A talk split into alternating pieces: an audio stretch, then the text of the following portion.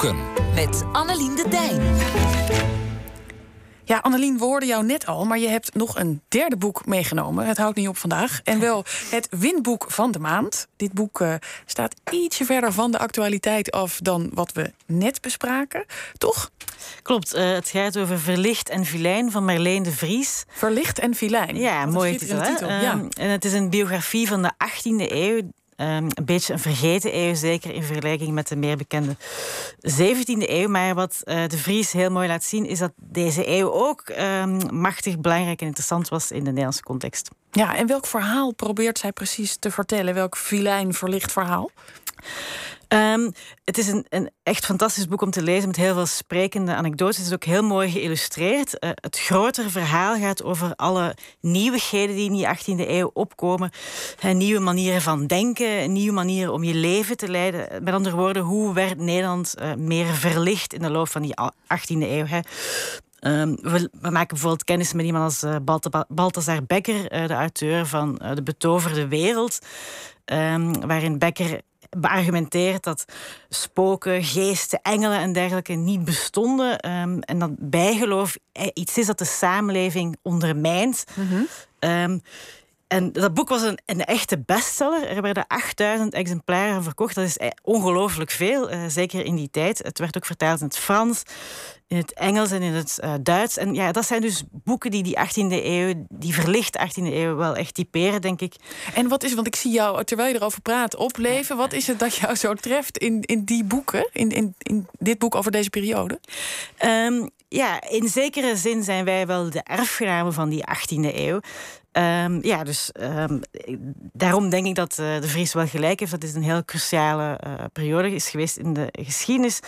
Uh, maar ze belicht ook de andere kant van die 18e eeuw. Um, er Namelijk? Ja, er staat bijvoorbeeld een heel interessant hoofdstuk in over de, ja, hoe zal ik het opschrijven, de homopaniek van de jaren 1730. Um, he, dus homoseksualiteit was verboden. Uh, he, dus uh, zowel door de kerkelijke autoriteiten als door de wereldlijke autoriteiten. Um, ja, niet zozeer omdat men dacht dat die mensen ziek waren. Dat is, dat pas, dat is een idee dat pas later ontstaat. Maar het was gewoon ja, een zonde. Hè. Dit moest je niet willen. Uh, die mensen planten zich niet voor. Die hadden gewoon seks voor de lol. Dat was wat men tegen homoseksualiteit had. Um, maar in 1730, om redenen die we altijd, nog altijd niet heel goed begrijpen... Um, raken Nederlanders ineens in paniek um, over het uh, toenemende uh, aantal homoseksuelen. Um, en ja, daar hebben een heleboel uh, mannen werden toen opgepakt, gemarteld, opgehangen en gewurgd. Dus ook, ook dat uh, was die 18e eeuw. Het was niet alleen maar verlicht, wil je zeggen? Het was niet alleen maar verlicht. En ook in die zin zijn wij natuurlijk de erfgenaam van die 18e eeuw. Want hè, dus, ja, um, als het gaat over homoseksualiteit, hebben we natuurlijk enorme stappen gezet. Maar zoals Nadia net al zei, hè, is er ook vandaag nog altijd heel erg de neiging om op zoek te gaan naar zondebokken. Ja. Filijn waren ze ook. Dus wat, wat maakt het, want dat is het dus, het winboek van de maand wat jou betreft? Um, ja, het is, dus, het is gewoon echt heel goed geschreven. Je maakt kennis met onvergetelijke personages. Het is heel mooi geïllustreerd. Als je um, altijd al hebt willen weten hoeveel verschillende soorten pruiken uh, mensen in de pruikentijd aanzetten, dan zou ik je vindt, je vindt het gewoon allemaal uh, terug.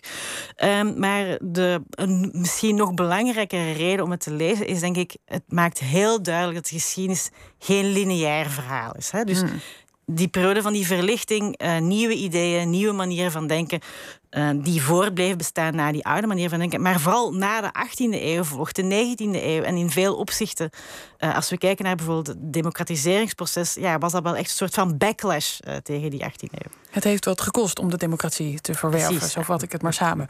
boek van de maand. We geven daarom twee exemplaren weg. Um, je kunt daar kans op maken door te reageren op onze sociale media of een mailtje te sturen naar ovtboek.vpro.nl.